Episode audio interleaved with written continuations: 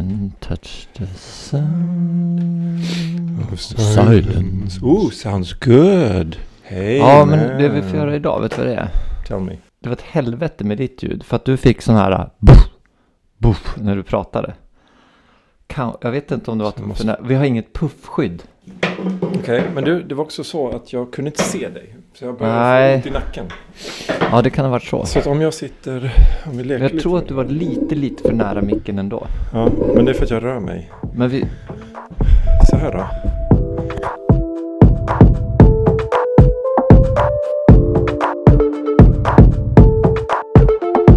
Då kör vi. Okej. tänker jag. Kör tre, två, ett. Mm. Och så lite tystnad. Ska det inte vara lite tystnad här? Ja, jag trodde vi skulle prata i bakgrunden. Ja, Medan... det kanske vi ska. Men du, eh, god morgon Patrik. God morgon Greger. Det är ju morgonpodden. Det är- Ja, det är lite spännande. Du gillar det eller? Jag gillar det, det ger en annan energi. Det är så? Ja, cykla genom kylan sådär. Du lyckades ta hit med cykeln idag då? Med, alltså du förstår vilken mekaniker jag är som Ja, lyckas eh, kedjan. sätta på en kedja. Ja, Vi minns ju alla den. Ja. Jag, jag, jag har faktiskt gått och väntat Hela, hela veckan här hur, Ja. hur har det gått med cykeln egentligen? och kedjan. Ja. Var, det nå- var grannarna uppställda idag igen också? Ja, Vänta stod och applåderade när jag kommer på min ja, wheelie. Ja, Mm. precis. Bakhjulssladd i... Och jag tänkte på det, du sa ju wheelie. Mm. Tänkte att du, typiskt du kan massa sådana här uttryck för hur man hoppar med cyklar eller? Nej, Nej, vad är wheelie då? Ja, det är väl att man åker på bakhjulet. Jaha, okej. Jag kör ju MC så att det är ju ett begrepp där också. Ah, ja, ja, okej. Så finns motsatsen då en stopp i. Ja, är det stoppar man och går upp på framhjulet då Mm. eller? Det har jag aldrig gjort. Ah, okej. En, eh, inte avsiktligt. Inte jag heller. Ja, men eh, vad ska vi prata om idag då Patrik? Du brukar ju sitta inne med några filosofiska resonemang. ja, nej, resonemang vet jag inte. Frågor kanske. Frågeställningar. jag bollar tillbaka den bollen. Du får börja. Är det jag som får börja? Ja, du får börja med någonting. Okej, Ja, ja, jag, har inte, jag har inte samma liksom, filosofiska djup som du har. Så att, eh, jag, ja, men då går jag in på något mer eh, vardagligt då. Och det är en, har du sett Gunde-dokumentären? Nej. Det går en dokumentär om Gunde Svan. Alltså om Gunde Svan? Nej, Gunde nej, skidåkaren. Mm. Och för det är ju intressant med Gunde Svan är ju att han för väldigt många är ju känd som en programledare. Mm, jag vet. Det är, det är förfärligt. Så att eh, rätt så häftigt då att man gör en, en eh, Va? dokumentär om Gunde skidåkare? skidåkaren. Ja. Och den är ju, alltså den är ju, den är sevärd. Det är tre delar på Mm, SVT. Jakob Hård. Som har gjort den. Men det jag, tänk, det jag tänkte, det som slog mig när jag tittade på den där. Den som var egentligen min, en ännu större idol för mig. Figurerade ju rätt så mycket i den där dokumentären. Det var ju Thomas Wassberg. Mm, med skägget. Med skägget. Mm. Alltså, det är... Det, det finns ett citat där som... eh, Det jag vet inte vem det är som är reporter då.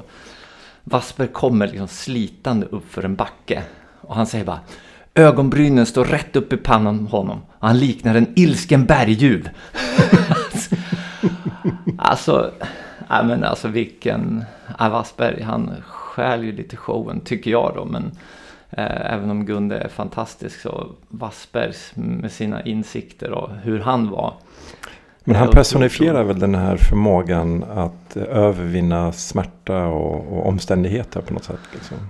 Och så hans tjurskallighet. Ja. Han, vet, målgångarna han kom, han bara, det stod reporter han bara väck, väck, väck, väck, undan, trampa inte på skidorna. du vet att han inte tog emot bragdguldet va? Nej, och vad var hans motivering? Ah, det var ju 82 vann han bragdguldet då. Eller åt, nej 80 var det. Nej nu ska vi se här. 80 vann han bragdguldet. Då vägrade han ta emot det. För att eh, han, Sven-Åke Lundbäck tyckte han var värdevinnare 78. Men då, vet du vilka som fick 1978? Det var två som delade. Nej, berätta. Det var Björn Borg och Ingmar Stenmark. Hyfsat tunga. Och då vägrade han ta emot det. Han tyckte att det var ingen riktigt bragdguld längre.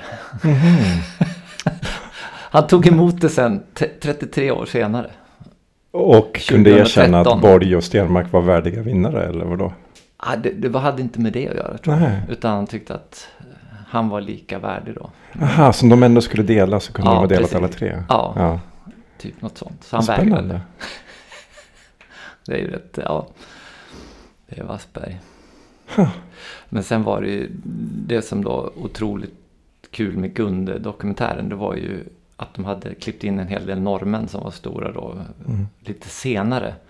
Vegard Ulvang och Björn Dählie och de här. Och de, men, man får verkligen feelingen för mycket Gunde betydde för idrotten. När de, ja men det var han som, vi var tvungna att göra någonting.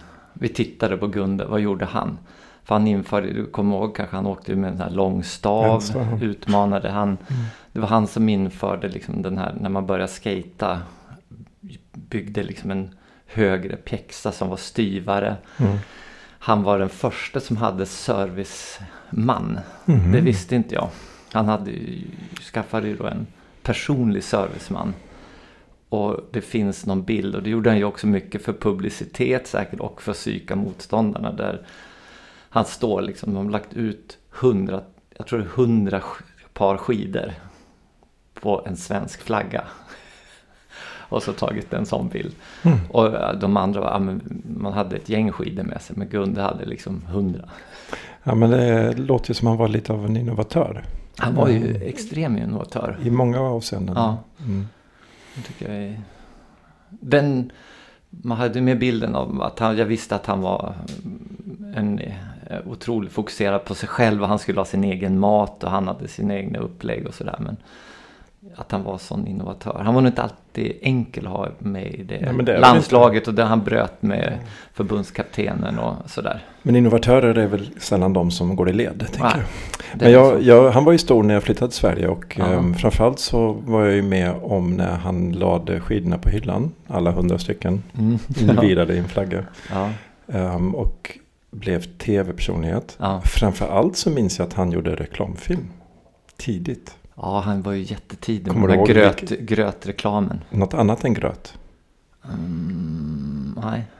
Om jag säger så här, och nu, nu bjuder vi våra lyssnare på lite, Tv-historia? lite, nej, lite så här komik, oavsiktlig komik när jag ska Ja. försöka härma hur han låter. Ja, sju nycklar. Så här, framåt tio tiden när jag börjar kurra i magen, då plockar jag fram en Snickers. ah, Snickers också. ja, det, ja, jag, jag vet sådana. Han var otroligt rolig. Det finns något klipp också där han. Det var väl hans tävlingsinstinkt då. De är på, uppe på någon, någon, någon alptopp antagligen då. Det, går någon, det är någon skidslalombacken. Vi kan ju tävla upp och så tävlar vi ner sen också. Kommer han där. Ja, men när man har sett de här eh, ja, men, olika klipp med honom så här i efterhand så, så verkar det som att han blir som ett barn så fort det är tävling. Ja, Ja, men är exakt. Superprofessionell i förberedelser och, och taktisk. Men sen när tävlingen börjar blir han nästan som ett barn. ja, Liksom. han gillar nog att tävla. Mm. Ja, det är. Ja, var, Jätteroligt. ja, men det var jättekul. Det var också en, annan grej som jag tyckte var kul. Det var han, han tränade rätt mycket med tjejerna. Både när han gick på skidgymnasiet och men även i landslaget. Och det var nog, jag tror det var två, två delar av det där. Det ena var att han, han var ju en av de första som, det var mycket snack om mängdträning. Eh, och just att hålla det i låg fart. Eh, men också att jag tror inte han ville det låg nog lite att han inte ville liksom avslöja sin form och hur fort han åkte. För då är det Jan Ottosson som berättar att han går upp tidigt som fan en morgon. Ut i spåret och tänker att han är först ut. Men då ser han att det är någon annan som har varit ute och åkt. Så tänker han så här, när de ser liksom avstånden mellan stavisättningarna. Tänker han, det här, är, det här har det gått riktigt fort. Så han skulle börja försöka hänga med liksom i de stavtagen och insåg, jävlar, här har det gått undan. Då visade det sig sen att det var Gunde som hade varit ute och kört då. Så han, man blir inte så snabb som han var om man inte åker snabbt. Man undrar ju hur Gunde har klarat sig idag när man kör så många olika fo- tävlingsformer. Spurter Ja. och liknande. Liksom. Ja, han hade antagligen varit någon slags kläbotyp, tror inte det? Möjligt. Ja, Ja, det var kul i alla fall. Det, och ja, så egentligen blev ju summan av hela det där, det var ju att det är Gundes fel att norrmännen blev så förbannat bra sen. Och har dominerat sen 90-talet. De har ju verkligen dominerat. Ja, det är ju 20, 30 Även hårda år. Ja, Det, som, det som vi tyckte vi ägde Ja. eh, på 80-talet. Det Ja. har man ju varit helt överlägsna ja, de är länge. ju bättre i tennis också. Ja, just det. Eh, tillfälligt i alla fall. Ja. Ja. Handboll är de inte så dåliga på heller. Nej. Hockey. Ja, men stark idrottsnation. Ja, verkligen. Mm. Mm. Ja, det var mitt lilla... Det var inte så filosofiskt då. Det tycker jag nog. Ehm, jag har gått Vad och, var var du? ja, men, Jag jag, ser här hur du tar sats nu. ja, men ganska enkla um, iakttagelser som påminde mig om någonting jag insåg ehm, när mina barn var små. Jag var i, i helgen på en lekplats med min sexåring. Ja. Lycke.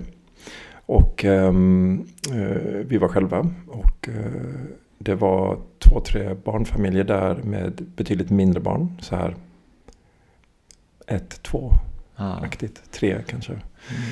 Och det här är en lekplats med ganska höga klätterställningar. Det är därför Lycke gillar den. Mm. Och eh, då noterade jag då hur de här oroliga gissningsvis förstagångsföräldrar hur de orienterar sig i sitt barn, hur de pratar med barnen. Ja.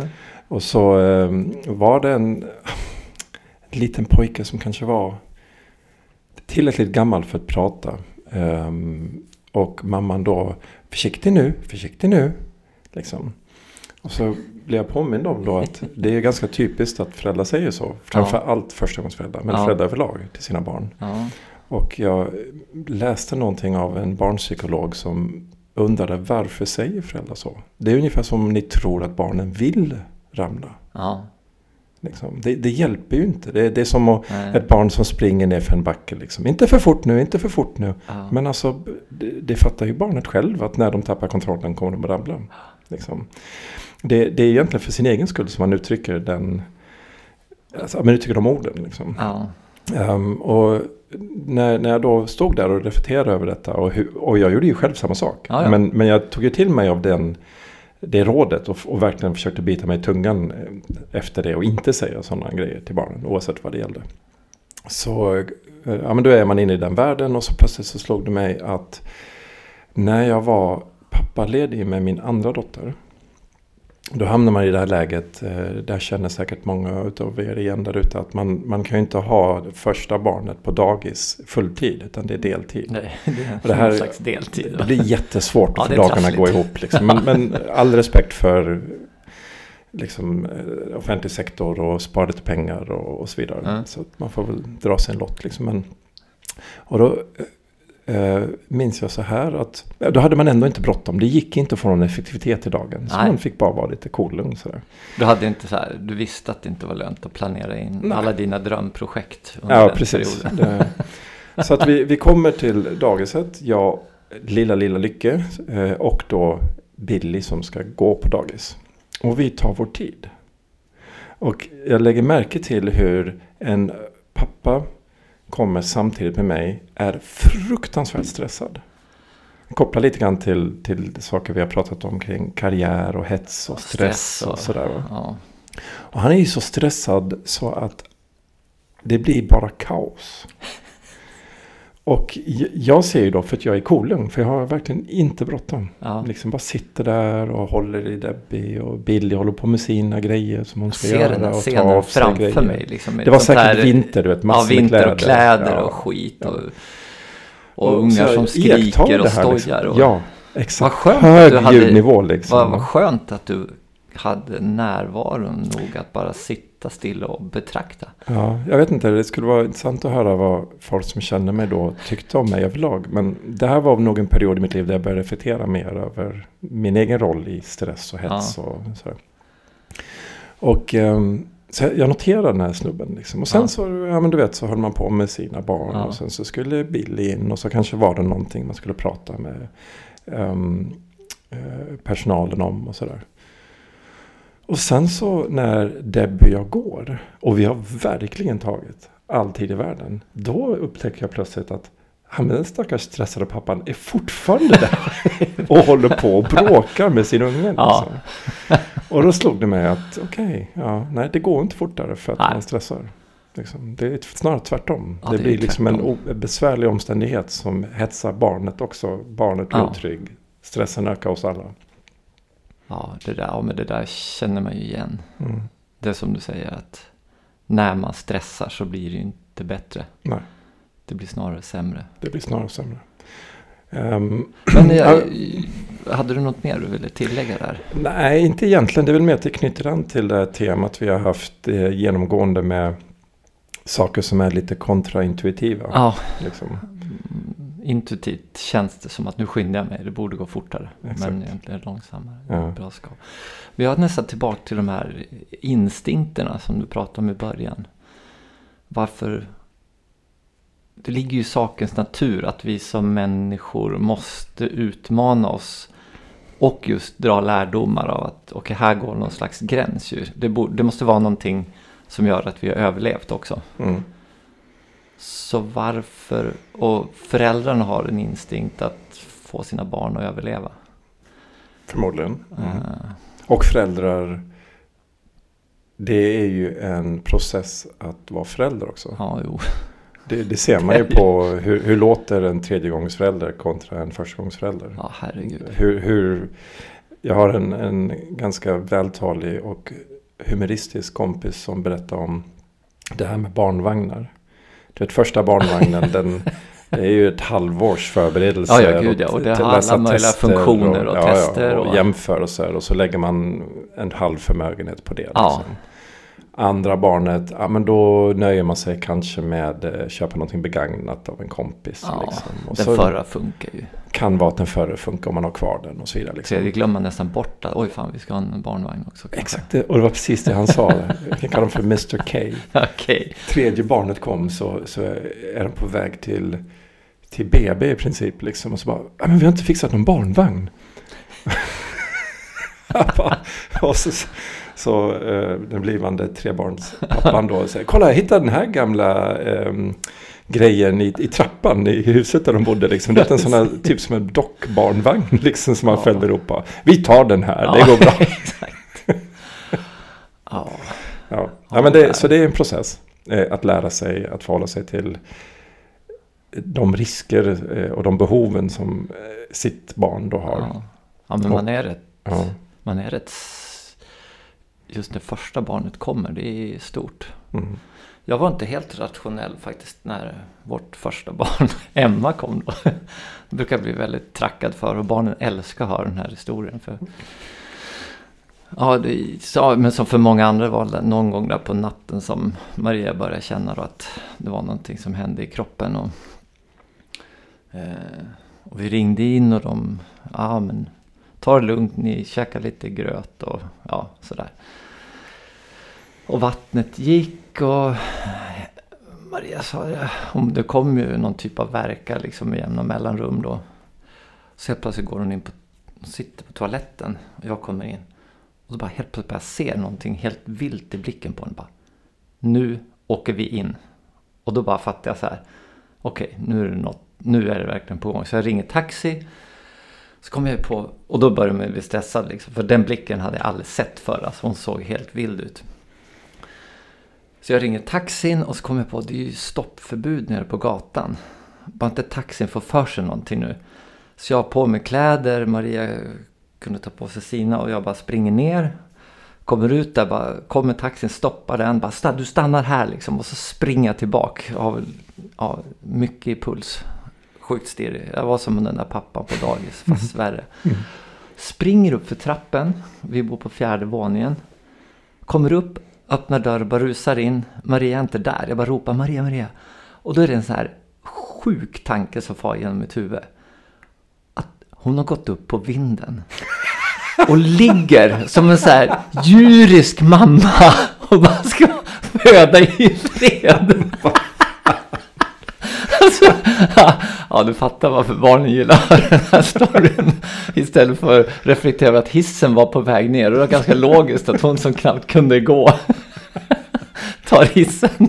Så du springer upp på vinden? Alltså, ah, jag vet, jag kommer faktiskt inte ihåg om jag verkligen de facto sprang upp på vinden. Men jag, ja, det kan ha varit så. Jag kommer inte riktigt ihåg. Det är suddigt. Ner i taxin och in där och Maria ligger över liksom taxichauffören. Och jag tyckte han körde så jävla långsamt. Och så kommer vi fram till sjukhuset och Maria hon lägger sig på alla fyra på, utanför taxin. Och jag springer in och så kommer de ut med en med liksom en rullstol och kör in henne. Och Maria hade själv tänkt så här, "Ah, men om det här är, om, om vi nu säger till oss att nu ska vi gå en promenad i parken liksom, då kommer jag dö. Och, men hon upp där och vi har inte tid med några sådana här, ja, droger och allt smärtstillande. Tryck. Ja, så det var ju, det var ju faktiskt rätt nära. Hon ploppade ut direkt där hemma då.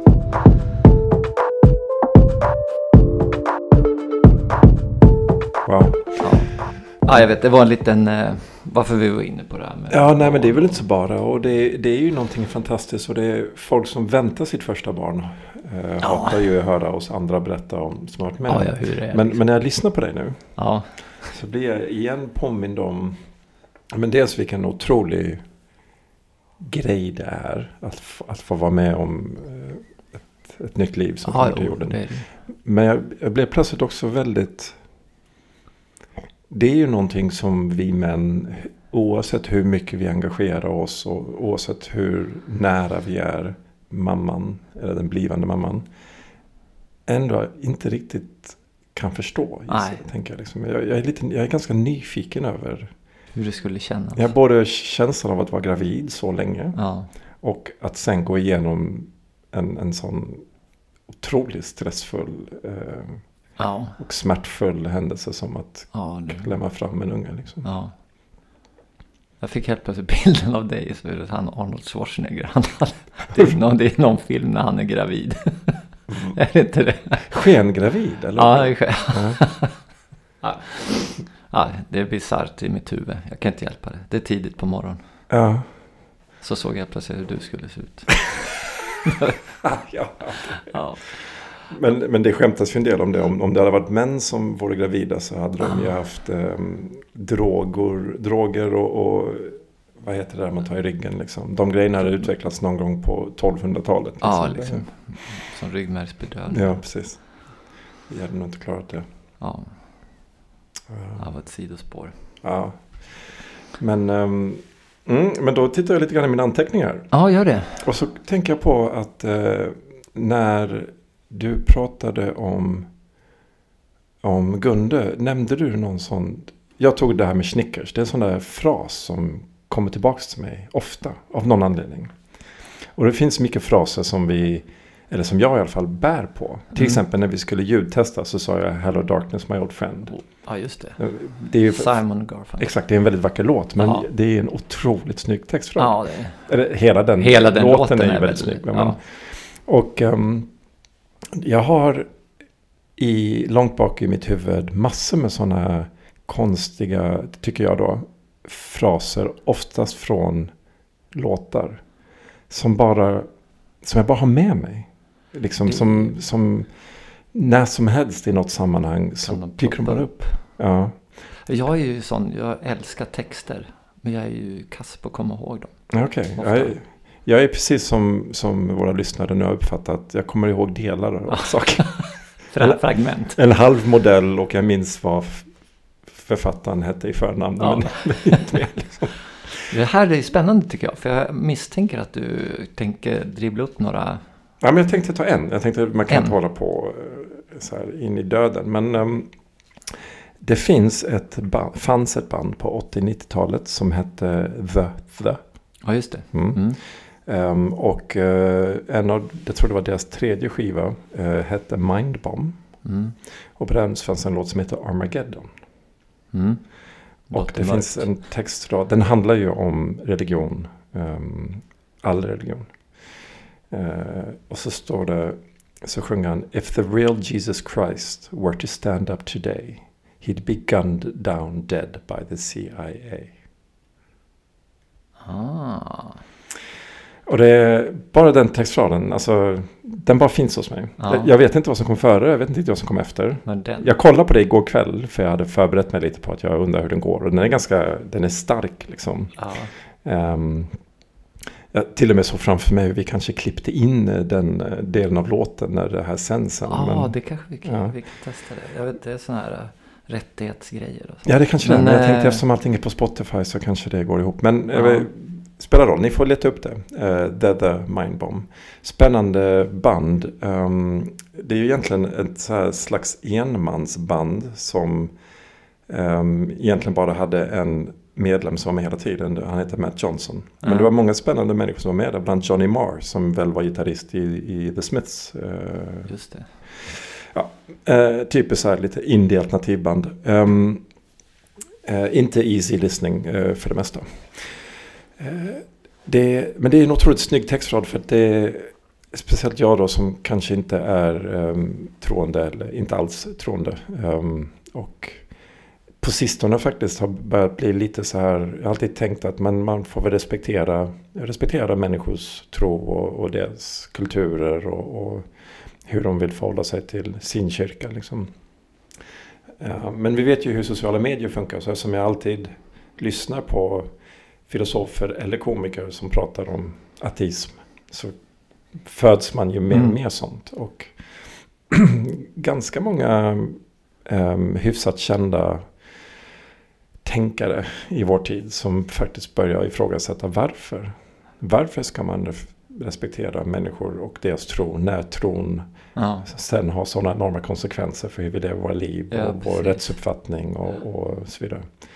Eh, vi kanske inte ska gå, di, riktigt, gå för djupt ja, i den diskussionen. Den blir riktigt djup den ja. men det är också en intressant tanke. En väldigt svår fråga. svår frågeställning. Mm, som vi nog inte är rätt personer ens att Nej. diskutera. Men, men det är ändå... Det, Ricky Gervais är, skämtar ju väldigt mycket om det. Um, men jag har sett honom i talkshows också där han påpekar för en talkshow-host som då är troende. Mm. Kristen. Och så säger han, säger Ricky Gervais, det, det är egentligen väldigt liten skillnad på dig och mig. Jag förstår inte. Ja, men jag förkastar ju all religion.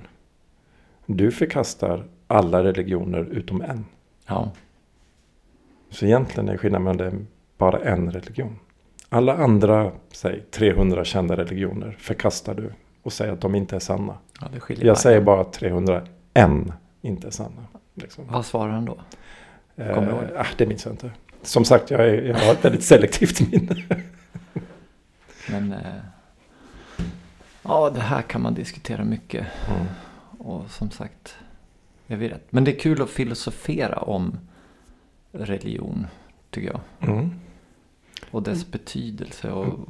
Vi bor ju i ett land som är starkt präglat av religion. Jag menar, ja, men det är vi. Vår flagga är ju ett kors. Vår Även om vi inte, starkaste symbol. Liksom. Jag tror varken du eller jag är speciellt aktivt religiösa. Men hela vår, hela vår, det vi är uppväxta i präglas ju som mm. sagt av Absolut. kristendomen och protestantismen. Och våra värderingar och vår lagstiftning ja.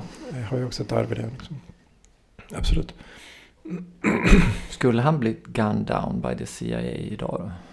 Om, om, om vi, om vi leker var. med tanken att han var på riktigt. Mm. Men att han kom nu istället för, för 2000 år sedan. Mm.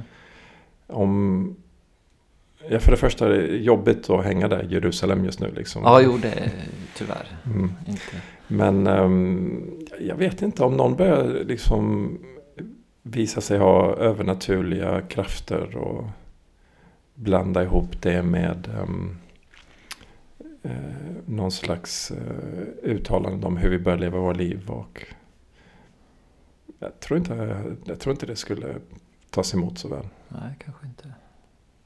Ja. Det är svårt. Jag sitter och tittar på en dödskalle som jag har i bokhyllan här. ja. det, det, liksom de här. För det är ju en existentiell frågeställning. Lite grann, varför lever vi våra liv? Ja. en del av religionens roll har väl varit att ge oss mening ja. i det här livet. Ja, många handlar ju om att det gör någonting nu som du sen har nytta av i nästa fas.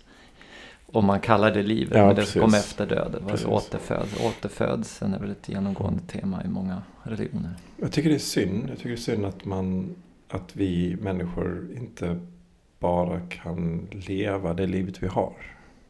Mm. Alltså finna mening i det livet vi har. Mm. Um, vilket faktiskt för in mig lite grann på min nästa punkt som jag hade förberett. Jag var och träffade en um, bekant som jobbar med um, utmaningar i tredje världen. Mm. En fascinerande person. Hon berättar för mig om att det finns något som heter Inner Development Goals.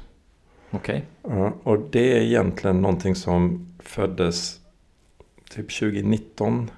Det är några som heter Jakob Trollbäck, Hanna Boman eh, och Erik Fernholm. ehm, Som ställde sig frågan, okej nu har ju FN formulerat ehm, våra globala mål. Mm. Alltså de här FN... Ja, precis. Globala. Hållbar, globala hållbarhetsmålen. Mm. Och då är frågan, hur, hur jobbar man med sig själv på individnivå? För att kunna bidra till att uppnå de globala hållbarhetsmålen. Alltså mer ur ett, hur, hur lever jag mitt liv? För att Ja. det är på ett, och då formulerar de ett massa, eh, och det här kommer ju då på engelska, men ett slags ramverk. Ehm, Där de menar att det finns fem områden som man behöver fördjupa sig i och ha någon slags personal mastery kring. Mm. Och det första är, jag tar dem snabbt och bara. Mm. Being, thinking, relating, collaborating and acting. Mm. Så det första being då, det, det är din relation med dig själv. Ja. Det står relationship to self. Nästa thinking, cognitive skills. Till exempel critical thinking, att hantera komplexitet. Sen är det då eh, rubrik tre, relating, då caring for others and the world. Ja. Sätta sig själv i relation av att vi inte lever ensamma. Mm. Sen är det då utifrån att vi inte lever ensamma, collaborating, då dina sociala färdigheter, kommunikation och lika. Och, så vidare. Mm. och sen är det då acting, driving change. Alltså ditt, ditt mod eh, och din kreativitet och din förmåga, din uthållighet att faktiskt få saker gjorda. Ja. Och det här tyckte jag var jätteintressant för jag tänkte att ja men det här är ju lika väl ett ramverk för ett liv som vilken religion som helst. Ja. ja, men verkligen. Och man kan använda det i stort och smått. Mm. Alltså man kan ju ta eh, på något sätt när det blir så stort som hela det här. Hur ska jag vara, Mm. förhålla mig till hela världen. Men du kan ju också tänka dig världen i det lilla, i familjen, i, på ditt jobb, Mm. på den ort du befinner dig. Så var ju det där bra grejer. Du kan ha existentie- existentiella samtal med en coach eller en vän. Ja, Du kan ha eh, en rådgivare som du pratar med i samband med att du, säger vi, eh, eh, tar studenten och Mm. funderar över ditt liv. Du kan också hamna i en, i en livskris. Mm. Kanske, man kanske blir arbetslös eller får en allvarlig sjukdom. Ehm, och, och vill förhålla sig kring, okej vad gör jag närmsta halvåret? Ja. Ja. men det är också, det är samma rubriker. Liksom. Ja, ja. Låt, oss bena, låt oss titta på det här, förstå hur saker hänger ihop och bena ner. Vad är din insats? Hur ska du göra för att förstå hur du mår i detta? Hur ska du göra för att förhålla dig till, till personer i din omvärld? Ja. Etc. Och så vidare. Jag tycker det, jag tycker det är sån ganska enkla grejer skapar sån enorm kraft. ja. Oft, det är väl ofta så. Enkelheten. Ja. Och det är det svåra. Oj, nu, är roligt hur allting hänger ihop. Jag, ehm, alla dessa sociala plattformar. En, Ja. jag har faktiskt nästan detoxat helt. Har du det? Mm, eh, Ja, du, jag är också en detoxare. Jag har kvar, jag har kvar både Facebook och um, vad heter Instagram. Men jag går inte in där. Inte jag förutom när jag behöver det. Och med behöver menar till exempel det finns lokala grupper där man kan lägga ut barnens kläder för Ja. att eh, återbruk och sådär. Och då ser man ju lite grejer och så Ja. kanske man fastnar där. Men jag har faktiskt slutat gå in um, slentrianmässigt. Jag lär mig italienska istället på en Duolingo-app. Mycket bra. Ja, det är ganska roligt. Det går inte särskilt bra, men, men det är väldigt Du roligt. får ha smakprov. no, no, no, no. non possible. Ehm, men det var någon som skrev något, eller... ehm, ja, det kommer jag inte hitta. Jo, här. As Leonardo da Vinci famously proclaimed, simplicity is the ultimate form of Mm. sophistication. Ja. Och så men här, ligger fortsätter inte, citatet. ja, men ligger inte lite i det? Mm. Ja, men det tror jag vi, det känner vi alla till, tror jag, i olika situationer. Vi jobbar med IT, hur, just när det är IT-system och hela det här, hur, hur svårt är det inte att göra det där komplexa enkelt? Mm. Och oftast är det Och en ju... värld är ju komplex. Precis. Så att, ja, vi är i en värld, så att hitta den där enkelheten i det hela, det är, det är en utmaning. Ja, och ibland så kräver det mod. Om man till exempel är ansvarig för en stor IT-miljö på ett företag. Ja. Och så finns ett nytt behov som behöver tillgodoses i verksamheten. Och så tänker man, oh, vi borde nog ta bort det där systemet. Vi borde upphandla något nytt. Vi Ja. borde, för det kommer bli för mycket. Men det tar för lång tid, det kostar för mycket pengar. Ja. Och då bestämmer man sig att nej, men vi bara köper in den här extra funktionaliteten Ja. av den här nya leverantören. Ja. Bygger en integration och det handlar ju om att de här systemen ska Det går prata lite med varandra. snabbare det här. Ja. Och, sen så, och sen är man nöjd. Det är bara det att för varje sån grej man gör ju mer komplext Ja, blir till slut Och- blir det ohållbart. Ja, och sen så får det, ja precis, det blir ohållbart för det får så enormt stora konsekvenser. Ja. Att dels så går det knappast att få den här systemmiljön att fungera. Ja. Och dels när man sen ska göra förändringar så är man låst. ja, det går inte. Liksom, vissa grejer måste ni ha i tre år till, andra grejer är sönder nu. Om ni byter ut det då funkar inte det, det andra. Och, och då, ja, det är, ni som jobbar med det, ni vet precis hur Ja. besvärligt det är. Det kallas lite grann för spaghetti. Eh, när, när systemkartan börjar likna ett spaghetti som Ja, ligger i en klump på då är det tallriken, jobbigt. Då är det jobbigt. Men jag tänkte på det, du var inne på lite det där med förändring och sånt. Mm. Jag, har, jag drar ett litet citat jag också då från en textrad från en av mina gudar. Mm. Det är ju Pearl Jam Mm. eh, och Eddie Vedder då har varit ständigt återkommande i du, du hittar dem inte i LP eller den här vinylsamlingen, däremot i CD-samlingen där Ja, uppe.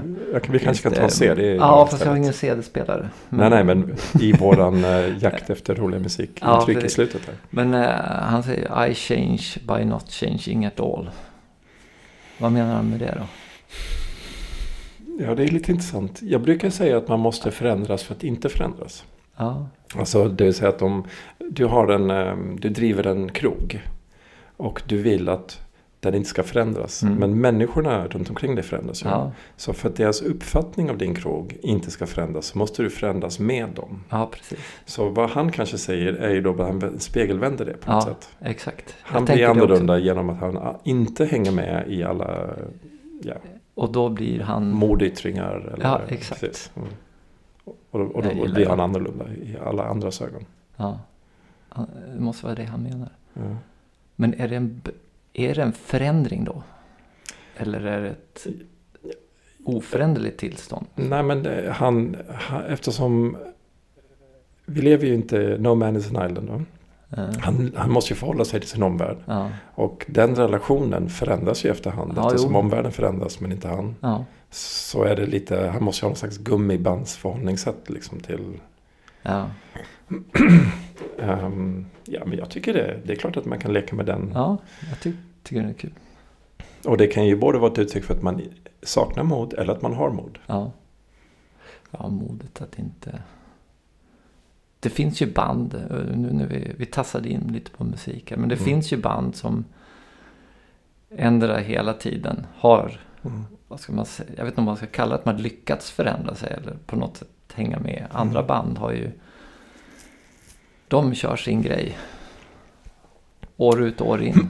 Jag har ju en annat husband som jag alltid har lyssnat på, Iron Maiden. Mm. Det spelar ingen roll om du sätter på en låt från 85 eller förra året. Det är, det är så likt. Men det funkar ju. Ja men precis. Men det, dels är det väl upp till var och en hur man vill ha det där. Ja. Ehm, men Men är det en slags trygghet i det där då? Att göra sin grej. Och det andra är bara en jakt på att man ska försöka vara aktuell. Men det behöver inte vara en jakt. Det kan ju vara eh, att man vara i sin personlighet bara inte orkar med. Att, an- Om, om man inte är inspirerad och känner att man ska ja, ut i nya marker så Ja. orkar man inte. Liksom. Så ja, helt ingen- rätt. Man säger ju det mycket om, om Bowie. Att det var väldigt svårt att jobba med honom. För att han var så oerhört otålig. Och väldigt duktig på att leverera. Så bland annat om man det har ju varit en fantastisk podd det här producerat i Malmö kring eh, där de går igenom varje skiva en och en, ett avsnitt. Mm. Bowie-podden kan varmt rekommendera om man är en nördig Bowie-fan. ja. Vill säga. Eh, Men de, de har bland annat mycket citat eh, från musiker som har varit med i inspelningar. Man Ja, säger att det är jättejobbigt för att när Bowie drog till exempel sången eller sina eventuella instrumentella insatser så tog han det oftast på första tagningen, ibland på andra. Medan de olika proffsmusiker som han har samlat ihop gärna ville ju köra några gånger och jamma och, Ja. och få det. Men det blev bara, nej nej, då var Bowie färdig. Då Då var var det så, här, så att det var allt, det var vad du fick. Och liksom de här musikerna tittade in i kontrollrummet, bara stort frågetecken. det blir inget mer. Nej, alltså, Nej. liksom. Nu orkar inte Bowie mer, Nej, så nu går jag vidare. gjort- Nu har jag gjort det här. Han var ju verkligen en sån som, som både utmanade gällande normer inom Ja, musikgenrerna. och- Och ibland var väldigt snabb på att hänga på andras eh, ska vi säga, landvinningar. Liksom. Mm. Men oftast var det han som var, stod där och tryckte på vad som Ja. var möjligt. Eller, Vad heter det? ja, hur har vi det med tiden? Ja, jag ska. Ja, vi ligger och tassar rätt så bra tror jag. Ja, men då kanske vi ska, Ska vi köra en, ett, eh, CD-skiva. Är det en CD-skiva idag? Ja, Oh my god. ja. Nu, nu, har jag, nu har du ju satt mig här för Ja, att, jag har ska, kilat fast dig. för att ljudet ska funka. ja, ni skulle sett hur han ålar sig ur. Nu ska vi se vad han drar upp här. Det här är ju spännande. Björn Afzelius. Afzelius. Den röda Röda tråden. tråden. Sa jag rätt? Det är ju någon slags samlings... tror jag. Mm. Är det inte det? Ja, det, det vet ju inte jag. Jag har inga Jo, det är... En samling med Björns 17 bästa låtar Ja. genom åren. Ja, det var ju också en... Du måste ha någon magisk förmåga att dra ut lite märkliga skivor och CDs ur min samling. Okej, men ehm, om jag frågar då eh, låten Don Quixote. Vad betyder den för dig? Don Quixote. Nej, jag har inget så här Ikaros. jätteförhållande. Ikaros tycker jag är fin låt. Där, men jag har jag något förhållande? Jag har inget förhållande till dem. Det var någon period där Vi, vi kan ju hade faktiskt... lite så här eh, Afzelius. Det är Kommer länge, du ihåg det är länge sedan i alla fall. Vad sa du? Kommer du ihåg Lars Demian? Ja, inte lyssnat. Han var sån vis, modern Ja. vis snubbe. Ja. Hade en hit, hit eh, i, inom vissa kretsar då. En låt som heter Alkohol. Men inte jag minns han, han eh, slog ju igenom ungefär samtidigt som grungen. Ja, Okej. Ehm, och jag såg honom 90. live i Lund. Och han eh, rockade till det lite och sa det här är vis metal. Vis. Men, men här finns faktiskt um, um, Afzelius ger oss möjlighet här att knyta ihop vår lilla säck. Ja, Ehm, tråd. därför här finns ju en låt som heter Jesus gick på vattnet. Titta. Mm. Och utan att veta om Ja, vad den texten egentligen handlar Ja, om. det är ju synd att vi inte vet det. Mm, så, så tänker jag att det ändå ger oss möjlighet att... Det var lite religiösa inslag idag. Ja, jag vet. Vi kanske borde dyka ner i det Nej. Nej jag tror att inte det är det. farligt. Jag, nästan så jag ångrar att vi tog upp det. Ja, det kanske Alltså s- så här, som sagt, är, jag är både respektfull men också börjar fundera på vad är nettovärdet av all religion? Ja, Har det varit till människans fördel eller till nackdel? Jesus he knows me. Det finns många låtar i alla fall. Det har du bjudit på också. Vem gjorde det? Jesus he knows me. Sjung. Jesus he knows me and he knows I'm right. I've been talking to Jesus Phil Collins. all my... Rätt. Mm. Just det. Ghost har gjort en fantastisk cover på den. Ja. Men det, det var roligt när vi um, skildes åt sist. Jaha. Eh, vi gav ju varandra en låt att lyssna på Ja, just det. Entombed Ja, fick du. det, jag, jag är inte bra på den typen av musik. Nej. Ehm, och det handlar inte om att jag inte... gitarrer och... Ja, men det, Det- det är inte det- som är problemet. Jag gillar ju eh, Du gillar disc har du musik. sagt. Ja. precis. Det är bara att det är någonting... Jag tycker... Lyssnade du på den låten? Ja, jag lyssnar Ja, på det ja. du skickar. Och jag Ja. lyssnar kvar lite Ja. fler låtar. Ja. Ehm, men jag, ehm, det saknar... eh, utifrån min smak så är det för lite melodi, för lite harmonier. Ja, okej. För att det ska kännas kul. Ja, liksom. en ton kanske. Men du ska lyssna på. Får Skicka någon annan den här gången. Jag, jag, jag minns i, i, i Lund Någon in när... Flames eller Ja, du får gärna skicka grejer. Sound. Där är skicka. mycket Jag, jag, jag minns när jag, när jag bråkade med folk som, som kom och berättade om... eh, ja, men, det, alltså, jag tycker Iron Maiden är bra, jag tycker Metallica är bra, jag tycker uh, ACDC är intressanta. Men det är, det är inte favoritband, men det är band som jag kan se. Liksom. Ja. Men jag tycker inte egentligen att det är särskilt hårt. Metallica Nej. kunde bli hårt liksom. Ja. Och så var folk så här, Åh, det är jättehårt, du klarar inte av hård musik. Jag brukar Ja. sätta på en, en, eh, en låt med Nine Inch Nails från The Downward Turning Spiral, som jag nu inte minns vad den heter. Jag tror det är andra låten på den skivan. Som jag tycker är hård. Ja, Och då kunde jag faktiskt få med mig någon och bara, "Oj, oj, ja så här kan det också låta liksom. Men, men jag tyckte Nine Inch Nails var bra och hårt. Men jag tyckte inte att det som de här hård, hårdrockarna Nej, pratade om tyckte jag inte var särskilt hårt. Liksom. nej men det är ju... Vi pratade väl lite Guns N' Roses här någon gång också. Mm. Det tyckte man ju var stenhårt. Men det är ju skön blues mer eller mindre Mm. egentligen. Jag hade Men det har väl förändrats det där liksom. Ja, och min, mitt, mitt sätt att förhålla mig till Guns N' Roses har förändrats också. Jag tyckte det var otroligt dåligt när det kom. Ja, du, ja, jag blev ju knockad. Ja. Äh, jag- jag när det kom Paradise City. Jag när gillar det inte på MTV. Och det, det var liksom ett hav av folk. Nej, det, var, det var som att få en Hans långa smäll hår i magen liksom. Med hårband och sådana Ja. grejen som hängde ut Ja. bakom rumpan. Jag bara tyckte han var så sjukt fånig. Alltså, Ja. Jag kunde inte. Men nu tycker jag att många av låtarna är ganska bra. Ja, faktiskt. Men du vet, det, är så roligt apropå att tider förändras. ja. De spelas ju på classic rock. Ja, liksom. ja, ja. Pensionärsradio. Sitter några gubbar och lyssnar på det där. Som oss. Men om, ska, om, om vi ska ge lyssnarna en annan slags eh, fredagspepp. Ja. Vad hade det varit? Oh, ska jag, en fredagspepplåt. Ska jag dra fram den så här? Ja, men, den, men den är ju det är lite tråkigt att ta den. Men det är ju en evig fredagspepplåt. Det är ju din favoritgrupp Cure. Friday I'm in love? Ja. Åh, men det är ju en av de sämsta låtarna någonsin. ja, jag förstår ju att du tycker det. Men det är Ja. ju... Jag, jag, nu vänder jag mig till folket. Ja, och den, den Folket har ju en... blir den glad är ju av glad den låten. Och, ja, absolut. Och den är peppig och den är perfekt på en fredag. Ja, det är den faktiskt. Den är peppig. Det är bara synd att vi kommer inte släppa det här avsnittet Nej. på fredag. Nej, nej det gör vi inte. jag, eh, Vad skulle du göra för ja, låt? men jag, jag, eh, jag tänkte jag skulle säga något som en låt jag inte har tänkt på på kanske tio år. Men det är B-52s, The Love Shack. Ah, Den bara kom till mig när jag Ja, tänkte på Friday jag. I'm in love. ja, ja. Det är ju, det är ju en, en glad och ösig eh, dansant låt. Ja. Men eh, då säger vi så idag. Peace be with you brother. Ja, tack ska du ha. Tack ska du ha.